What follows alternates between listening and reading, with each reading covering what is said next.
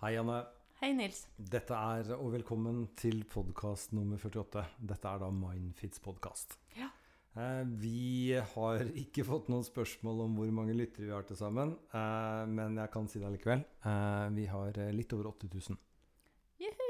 Ja, det er nesten 100. Og når det blir 100 000, da tror jeg jaggu meg at vi er så stolte at vi kan uh, finne på å, spise.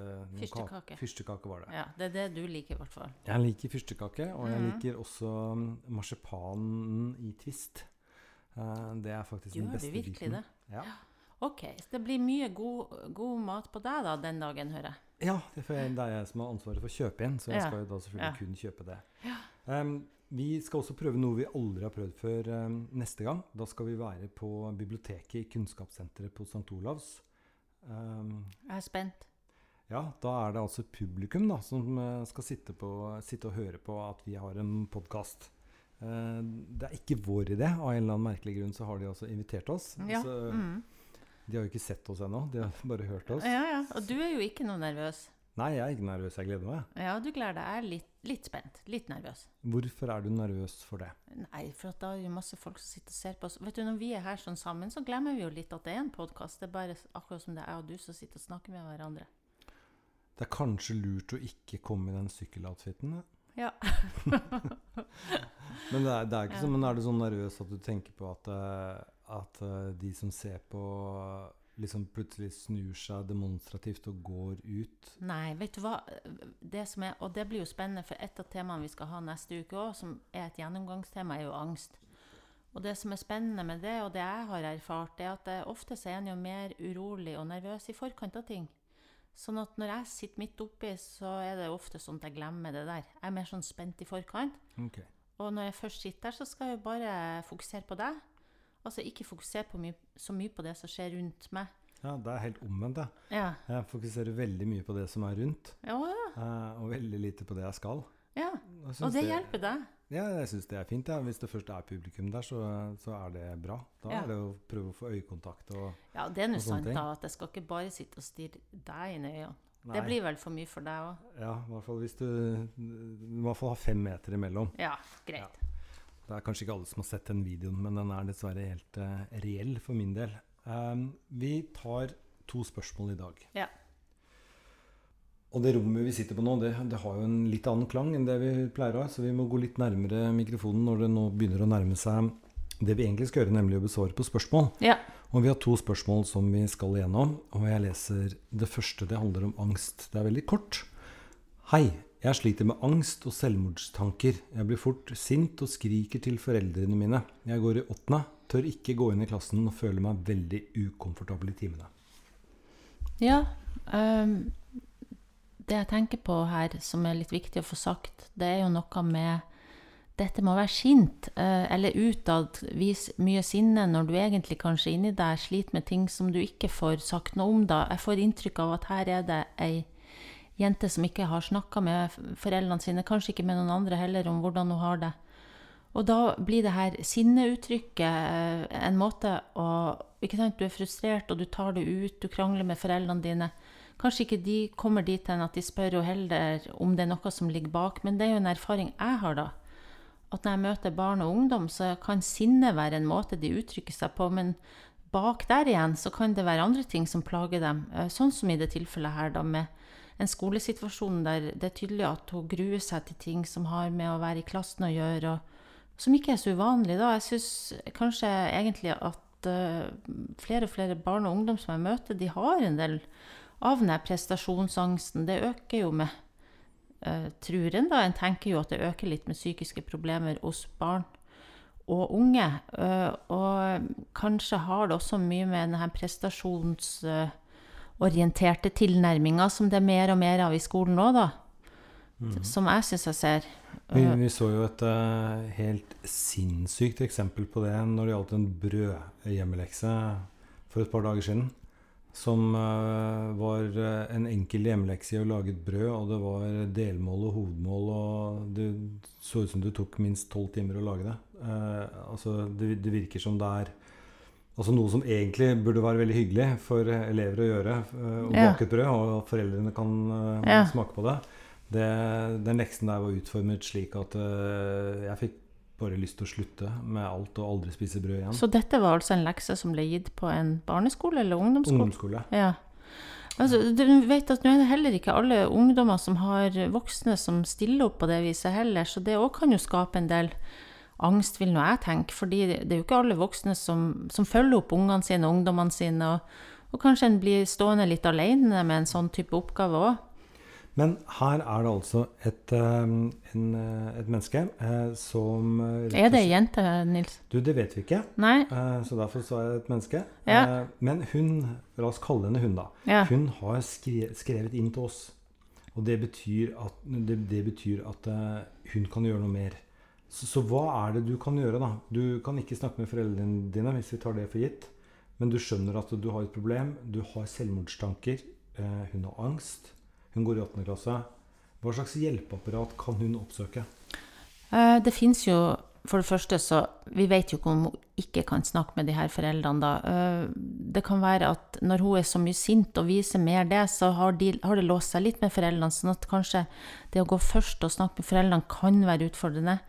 Men eh, det fins jo noe som heter helsestasjon for barn og unge, som i hvert fall her i Trondheim eh, er et gratis helsetilbud til de som er under 20 år. Og de har psykolog tilgjengelig der. I tillegg så har jo ungdomsskolene tilgang på helsesøster. Ikke helsesøster, egentlig. Det kan jo også være en mann. Ja. Uh, og det er jeg tenker et godt tips egentlig å prøve å finne litt ut av det via, via skolen. Prøve å, å spør seg litt fram der. Kanskje du har en forståelsesfull kontaktlærer. Og jeg tror veldig mange eh, lærere nå til dags er veldig vant til denne type utfordring. Og at jeg har også sett en del gode eksempler på lærere som klarer å tilrettelegge sånn at de her ungdommene som har angst for ting som har med skole å gjøre, de får lov f.eks. å presentere i mindre grupper, eller de får i en periode lov å unngå å presentere òg. Men jeg tenker her er det viktig å, å lage en slags plan som skal gjøre at dette etter hvert kan bli greit. da, men men hvis du føler for mye press på en del av de tingene som skjer på skolen, så er jo skolen også rett arena til å få snakka litt om det her. Mhm. Men det viktigste her er vel det at uh, innsenderen er ikke alene om å slite med angst, ei heller alene om å slite med selvmordstanker. Men poenget er at det skal man rett og slett ikke gjøre alene. Nei. Eh, og det er faktisk viktig å enten eh, å, oppsøke det gratis helsetilbudet som da finnes Ja. ved skolen hennes, eh, eller det, det andre som du sa. Hva heter det igjen? Det heter helsestasjon for barn og unge. Og så er det en del kommuner som også har kommunepsykologer som gir gratistilbud til barn og unge. Sånn at, og du vet at ungdommer i dag de er jo så flinke til å finne frem på nettet. sånn at det er jo noe med å søke litt på din kommune og se hva som er tilgjengelig der. ikke sant? Mhm. Så det er litt forskjellig fra kommune til kommune. Mm -hmm. uh, for jeg tenker eh, Det med selvmordstanker er jo også et ganske sånn vondt og, og vanskelig tema. Uh, jeg tenker når du går i åttende og har den type tanker, og det må jo være veldig tungt å ha alene.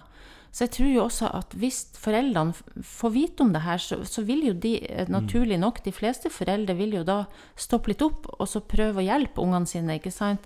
Så jeg tror jo også litt på at hvis hun tør å, å snakke litt med foreldrene sine, så vil også de, eh, en alarmklokke gå der, og de vil kanskje også hjelpe henne med å, å, å støtte henne mer i det her. Eh, selvmordstanker er jo også noe som kan gå over, ikke sant? At uh, det handler jo sikkert om den her angsten, og at du har et problem egentlig som du føler du ikke får løst. Og så tenker du åh, jeg, jeg skulle gjerne ha sluppet, jeg klarer ikke mer, og sånne ting. Uh, så jeg tror uh, for ungdommer så er det så viktig å få snakka med noen, fordi de kan jo være Altså, ungdommer er jo også litt mer impulsive, og altså, sånn liksom faren for at du, du gjør deg noe, kan være litt større med ungdommer kanskje enn det det det er med voksne. Ikke for det, altså Mest selvmord foregår jo faktisk blant eh, voksne menn. Uh, så jeg tenker mest av alt så er vel det her mer tanker som mange kan ha, og ikke noe en skal bli så redd for at en har, heller noe en kan dele med andre, og så kanskje oppleve at det går over. Og hvis det sitter veldig dypt i deg, så tenker jeg, så er jo også BUP, barne- og ungdomspsykiatrien, et sted der du kan få hjelp. De tar jo sånne ting på alvor.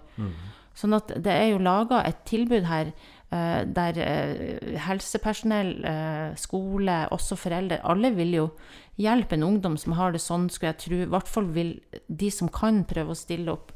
Så jeg tror ikke denne personen, hun eller han, skal være redd, redd for å bli møtt med noe avvisning. Altså det, det ser jeg egentlig ikke for meg. Jeg, jeg, tror jeg mer ser for meg kanskje at dette kan være noe som er til hjelp. For dette å bære dette helt alene, det tror jeg er mye, mye tyngre. Og der er det altså et stort hjelpeapparat som uh, egentlig står og venter. Det er, det er, en av grunnene til at vi betaler skatt. Vi ja, altså ungdom er prioritert. Ja. Og det skal de være, tenker jeg òg. Vi kan gå videre til eh, spørsmål nummer to. Ja. Um, jeg leser det. Hei, hvor lang er gjennomsnittstiden for behandling av kompleks PTSD? Det er så klart veldig individuelt, da det er mange faktorer som spiller inn, men dersom man er veldig dedikert og fokusert på å bli bedre, hvor lang er gjennomsnittstiden for behandling av kompleks PTSD? Det er jo ikke Altså, det, det går jo ikke an å si noe lengde, egentlig, sånn vi begynner med hva det er. Vet. Ja, jeg tror det. fordi kompleks PTSD, hva er det? Altså, vi har jo snakka en del om posttraumatisk stress her, PTSD, som handler om at du har opplevd traumehendelser. Uh, opplevd å, å fare for liv og egen helse, eller at andre som du er vitne til at andre blir utsatt for ting der du opplever deg trua. Det må jo ikke være trua på livet, det kan jo også være snakk om seksuell Uh, seksuelle overgrep, vold. Uh, det som er med kompleks PTSD, det er at ofte så er det ting som har foregått over tid. Veldig ofte i, nære, altså i relasjoner til andre, veldig ofte i barndom.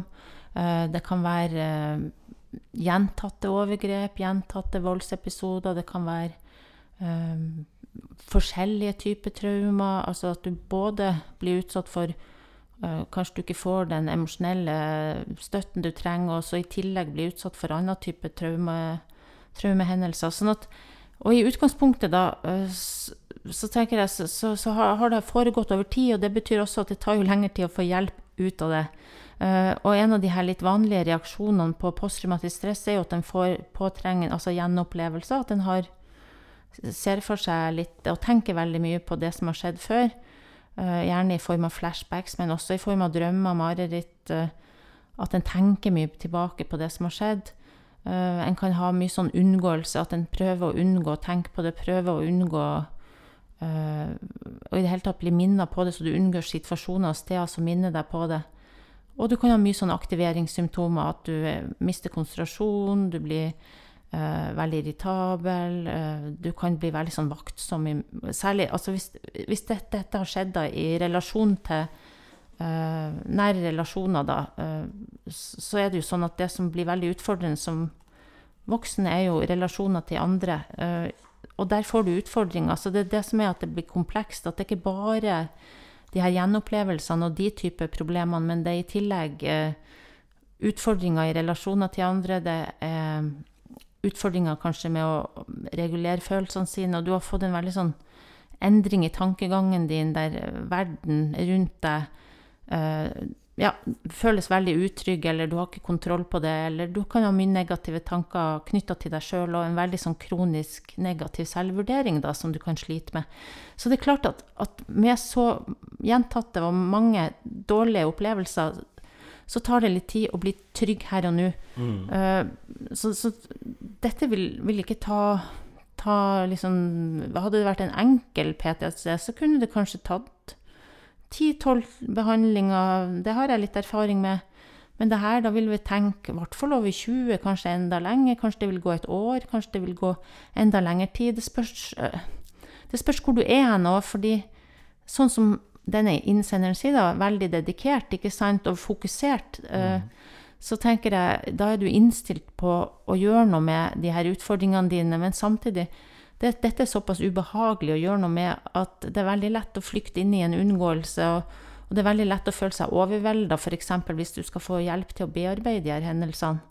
Uh, sånn at uh, selv om du prøver så hardt som du kan, så kan det være at det ikke går så fort allikevel, da. Men jeg tror det er viktig å få sagt at her er det håp. Mm -hmm. og at jeg i hvert fall så driver mye med traumebehandling, og spesielt med EMDR, som jeg kan si litt om og har sagt mye om før oss, uh, har jo veldig gode resultater. Uh, men jeg ser at mange av de som strever med det som denne innsenderen strever med, de, de trenger, trenger, ikke bare hjelp til å håndtere plagene sine her og nå, men de trenger også uh, hjelp til å ja, bearbeide det som har skjedd. Altså liksom bli litt mer sånn at minnene ikke blir så framtredende, da. Mm. Eh, MDR, MDR, ja. Vi har jo snakket om det ganske mange ganger. Og hvis jeg skal prøve å si hva jeg husker, Ja. eh, så handler jo det om eh, at kroppen kan huske Ja. ting som sinnet ikke vedkjenner seg 100 og, og det handler om en sånn tappeteknikk eller noe sånt noe som da Ja. frembringer det. Er Ja, altså fordi eh, EMDR eh, Altså det som En, en god traumebehandling eh, innbefatter jo tosidig oppmerksomhet. Altså det betyr at samtidig som du aktiverer ubehag som har skjedd, altså det som er av ubehag i fortid, så har du oppmerksomheten samtidig på noe annet som skjer her og nå. At du klarer å holde oppmerksomheten tosidig. Én fot i nåtid og én fot i fortid. Og da hjelper denne uh, stimuleringa deg, deg da. Og det er jo opprinnelig øyebevegelser, da, fra side til side. Eh, som en har forska mye på og funnet ut har en sånn Det gir en sånn angstdempende Det reduserer angst, og det distraherer deg til en viss grad òg, sånn at du slipper litt ubehag i nåtid. Uh, sånn at uh, i tillegg til det, så, så er det jo mer som foregår da, fordi du skal jo på et vis komme deg ut av en litt sånn kronifisert tilstand. For det en ser ved ved traumer, vet du, det at eh, vi reagerer jo på fare med enten å prøve å i første omgang kanskje komme oss un, altså underkaste oss, eller prøve å prate oss ut av det, eller prøve å underkaste oss hvis det er en sosial trussel. Eh, hvis ikke det går, så prøver vi kanskje å slåss imot eller flykte. Mm. Og i siste instans er det ingen av de løsningene som gjelder, så, så kan vi gå inn i en tilstand der vi liksom eh, blir litt helt hypoton, som en sier, mister helt muskeltonus. Og dette er jo ikke problemet, dette er jo helt eh, naturlige reaksjoner på fare, men problemet er når dette blir kronifisert, da. Når, når det går over i en tilstand der du eh, nå i dag, ikke sant, der det ikke er noe fare, eh, hele tida kronisk går og kjenner deg utrygg, eller kronisk føler deg litt sånn hjelpeløs og, og ikke klarer å liksom reagere eh, i situasjoner, eh, så er det jo den tilstanden du må prøve å få hjelp med. Det er jo de plagene du har i dag med det som har skjedd før. Men oppsummert så er det altså um, nor normal eh, P1 PTSD. Det, det, det kan være sånn tolv behandlinger ish. eh, som Men det kan også være enda mindre, faktisk. Med, med EMDR så har en jo funnet forskning som viser at fire til seks timer av og til er tilstrekkelig. Ja. Men da snakker vi om enkeltstående hendelser. Men dette var altså kompleks Ja. PTSD, og da må vi kanskje regne med over 20. Ja, og kanskje enda mer. For det spørs litt på hvor, eh, hvor trygg du er også til å klare å liksom stå i det her i nåtid og være eh, Ja, håndtere det som er plaga nå. Du må også jobbe litt med det, da, vet du. Med å, å kunne tørre å gå inn i det her. Ikke bare liksom Det er ikke bare å gå gyve løs på det. Du, du trenger kanskje hjelp til å tørre det. Eh, Det var det vi rakk i dag. Ja. Eh, Neste gang så kommer vi altså da til eh, å være på et bibliotek som er i Kunnskapssenteret på St. Olavs i Trondheim. Ja. Eh, Det skjer eh, Innspillingen skjer nå neste torsdag eh, klokken 11. Eh, Så hvis du er i Trondheim, så er det jo kjempehyggelig. Stikk innom biblioteket Kunnskapssenteret klokken 11. Da sitter vi og har vår aller første podkast foran levende mennesker. Ja. Som jeg gleder meg veldig til, eh, mens Janne er litt mer eh, avmålt der. ja litt nervøs. Men eh, til neste gang, ha det bra. Ha det.